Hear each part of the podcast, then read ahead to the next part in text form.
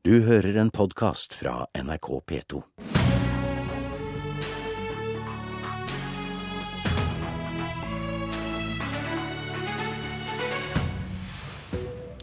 Hvor ille føler egentlig KrF det er å være støtteparti for Frp? Og er det kjensle eller kunnskap som styrer debatten om salg av norske statlige selskap? I det tåkete grenselandet mellom fakta og føleri, der har du Politisk kvarter i dag. Vi eh, starter med kjenslelivet til KrF. God morgen, eh, nestleder Dagrun Eriksen. God morgen. I går eh, skrev Aftenposten om hvor misfornøyde KrFs fylkesledere er med Frp-samarbeidet, og særlig med justisministerens håndtering av asylbarnsaka. Hvordan vil du skildre denne frustrasjonen i ditt eget parti? Det er ikke tvil om at uh, det vi har sett av hvordan uh, man har sett at asylbarn er blitt sendt ut, uh, hvordan regjeringen har fulgt opp, eller kanskje ikke fulgt opp, det vi ble enige om i forhold til asylbarn, at det har skapt en stor frustrasjon. Vi har valgt å være et konstruktivt opposisjonsparti, men når våre fylkesledere går så tydelig ut, som det de gjorde nå, ehm, så er det et ganske sterkt signal både til oss i ledelsen, men det er også et sterkt signal til regjeringspartiene våre på at det er en høy frustrasjon. Eh, ikke først og fremst på samarbeid og samarbeidsavtale og alt det, men i forhold til alle de barna som er blitt sendt ut. Asylbarn som det ble skapt et håp hos, som tenkte at de skulle få en ny gjennomgang, som skulle bli sett på situasjonen på nytt. Og så opplever man eh, tvert om, og man kanskje kjenner seg litt lurt. Nå skal jo kontrollkomiteen gå gjennom og høre og finne ut av hva er det som egentlig har skjedd, men, men eh, KrF er blitt lurt? Ja, det er i hvert fall eh, det er noe som ikke stemmer når man ser at så mange asylbarn er sendt ut. Det har vært de letteste familiene å sende ut. Og man har sett at man ikke har gjort like mye f.eks. For, for å få ut kriminelle, som var noe som var en del av avtalen vi skulle få på plass. Mener du regjeringa har brutt samarbeidsavtalen, som eh, enkelte på grasrota er inne på? Nei, det syns jeg er altfor tidlig å si. Vi må avdekke og, og, finne ut hva som har skjedd i denne saken. Men det som vi registrerer, er jo at dette er jo en avtale på asyl som inneholder en del innstramminger, og så er det en avtale som inneholder en del eh, liberalisering spesielt for barn. Innsatsen til regjeringen har vært veldig høy på det som har gått på innstramming, og som var av interesse for regjeringen. Og så somla vi lenge for å få på plass engangsløsningen, og de somla lenge for å få på plass den varige løsningen.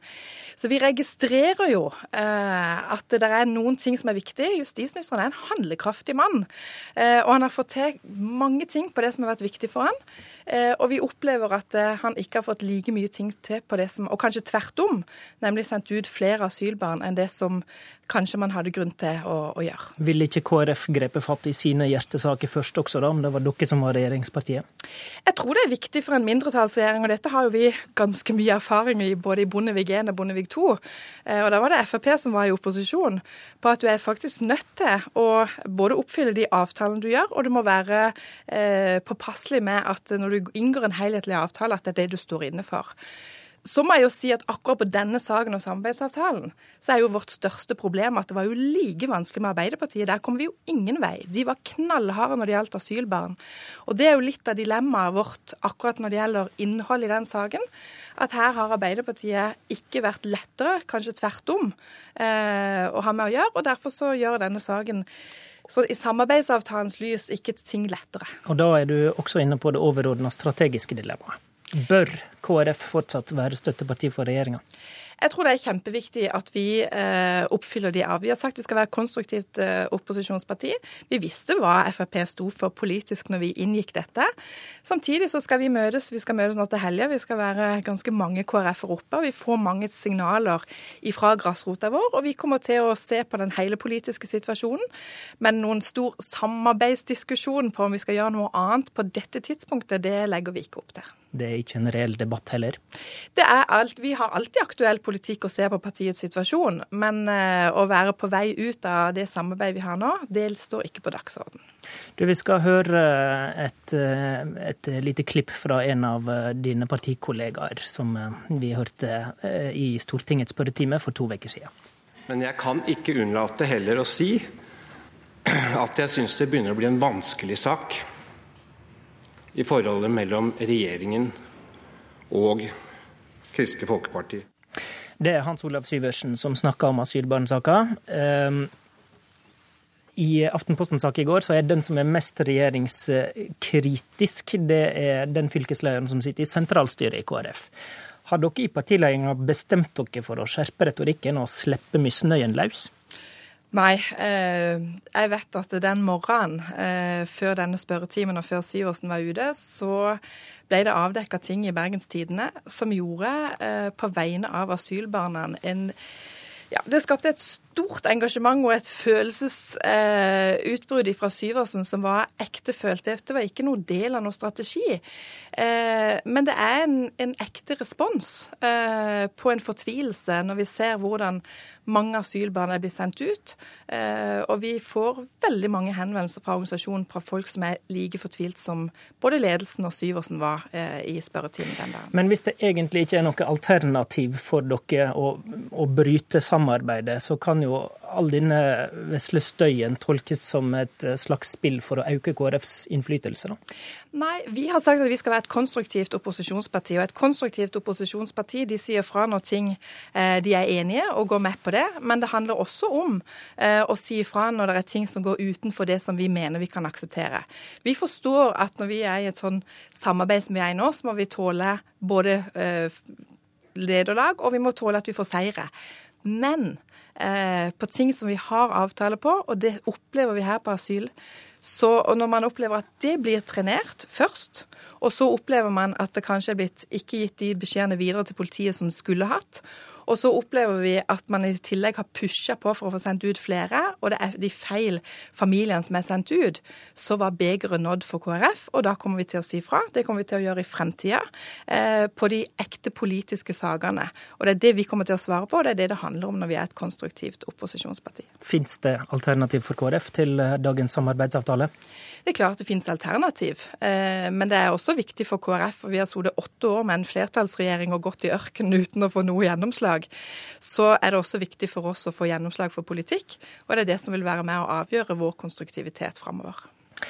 Takk til deg, Dagrun Eriksen. For ordens skyld skal vi bare nevne at vi hadde invitert eh, flere i Frp til å møte deg i debatt, men de hadde ikke høve.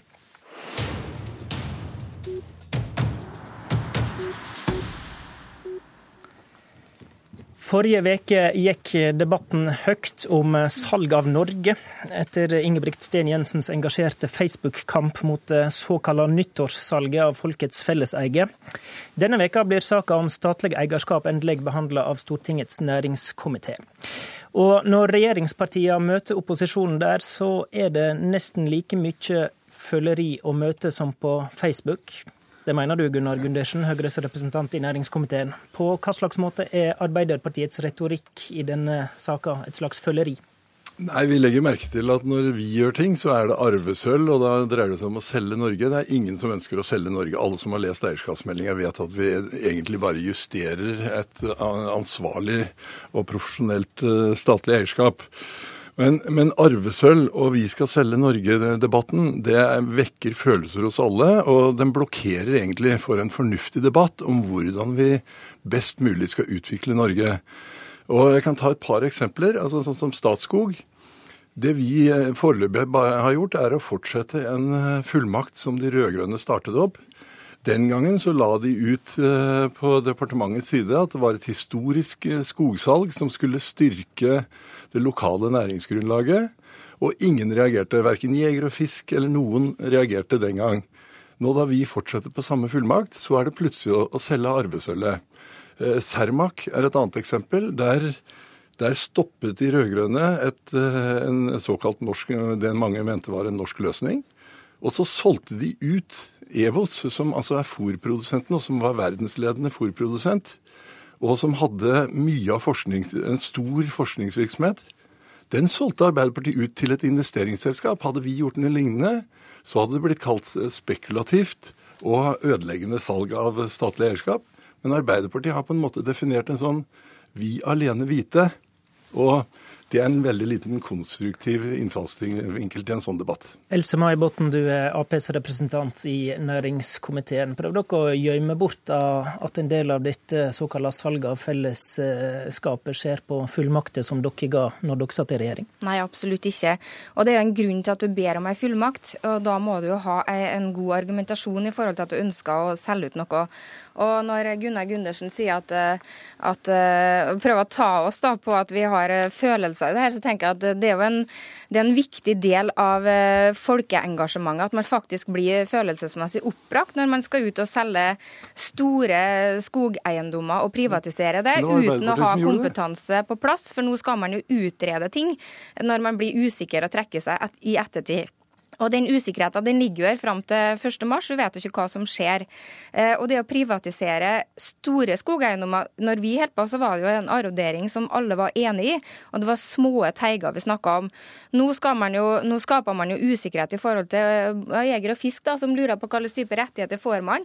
Når, det, når eh, man eventuelt skal selge store eiendommer som private aktører nå skal sitte og ha hånda på rattet på, i stedet for at vi faktisk har fellesskapets eie i forhold til skogen. Gundersen.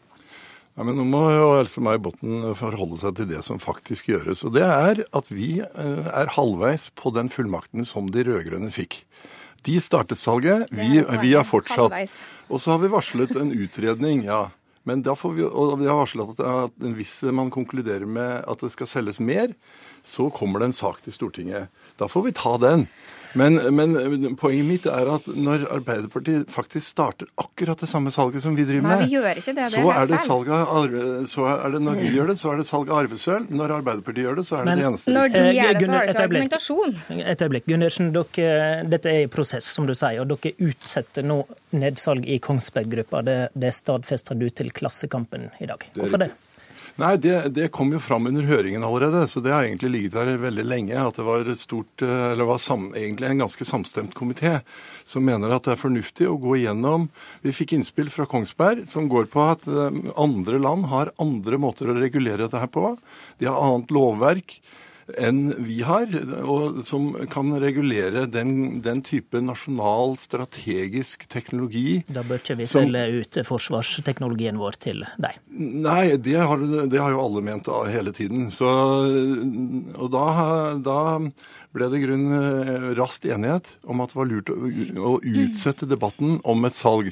Men jeg vil jo poengtere at det uansett så det, står det i eierskapsmeldinga at vi skal ha et blokkerende mindretall, altså minimum 34 og det, det, er egentlig utelukkende aktuelt å selge ut Kongsberg hvis man finner en strategiske alliansepartnere som kan være med på å bidra til å videreutvikle Kongsberg Gruppen. Det har hele tiden vært utgangspunktet. Botten har ikke Høyre da bevist at de kan ta hensyn til denne kunnskapen som en trenger før en går videre? Ja, med den retretten som skjer nå, så gjør man jo det, og det er jo veldig bra. Men poenget mitt er jo at man burde jo faktisk eh, hatt en sånn type oversikt i forkant før man legger fram eh, stortingsmeldinga. Jeg syns jo det er en litt gjenganger i forhold til Flytoget, er jo et eksempel. At man på en måte har eh, tilnærma seg kunnskapen i ettertid. Her ønsker man jo faktisk å, å, selge ut det og få fullmakter til det, samtidig som man ikke har infrastruktur eh, og, og rammebetingelser for det eh, flytoget ved et eventuelt salg. Ingen som vet om det flytoget blir sært med rettigheter av Oslotunnelen x antall ganger, eller hvordan det her vil være. Men nå sa du jo akkurat det med fullmakt i stad. Fullmakt, altså eierskapsmeldingen er en melding hvert fjerde år. Det er klart at det skjer, Man ber om en fullmakt. Det er ikke dermed sagt at man skal selge. Man vil selge hvis det er fornuftig, og hvis de verdiene staten har, blir gjenspeilet i den salgssummen som er aktuell. Når det gjelder Flytoget, så har næringsministeren hele tiden vært veldig klar på at eh, jernbanereformen må ligge til grunn for et eventuelt salg. Altså var det ikke en fullmakt som kom til å bli benyttet tidlig uansett.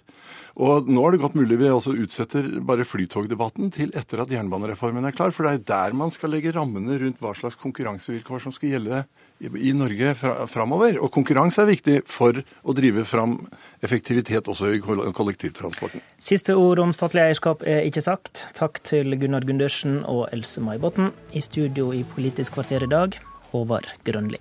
Du har hørt en podkast fra NRK P2.